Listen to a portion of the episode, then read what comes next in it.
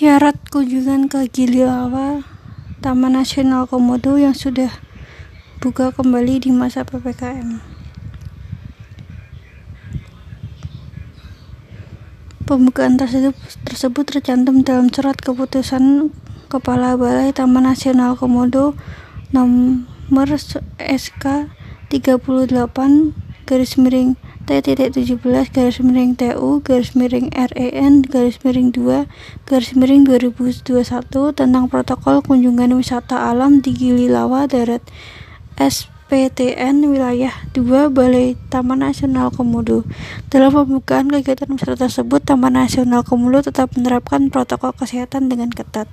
Mereka membatasi kuota pengunjung hanya 25 orang per hari dengan sistem registrasi di daring lewat web atau WhatsApp. Kota ini didapatkan berdasarkan kajian tourism carrying capacity dan akan dievaluasi setiap dua minggu. Sambung pengumuman tersebut. Selain itu, Gililawa hanya dibuka mulai pukul 3 sampai 18.30 Wita setiap harinya.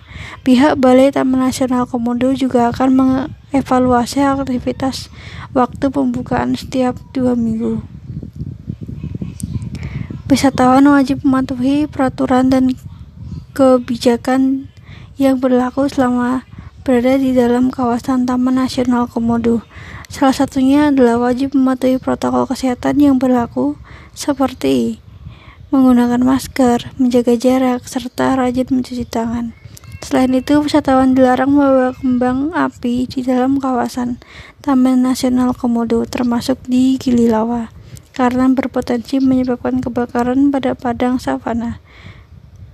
Wisatawan juga dilarang menerbangkan drone karena bisa mengganggu habitat utama elang flores.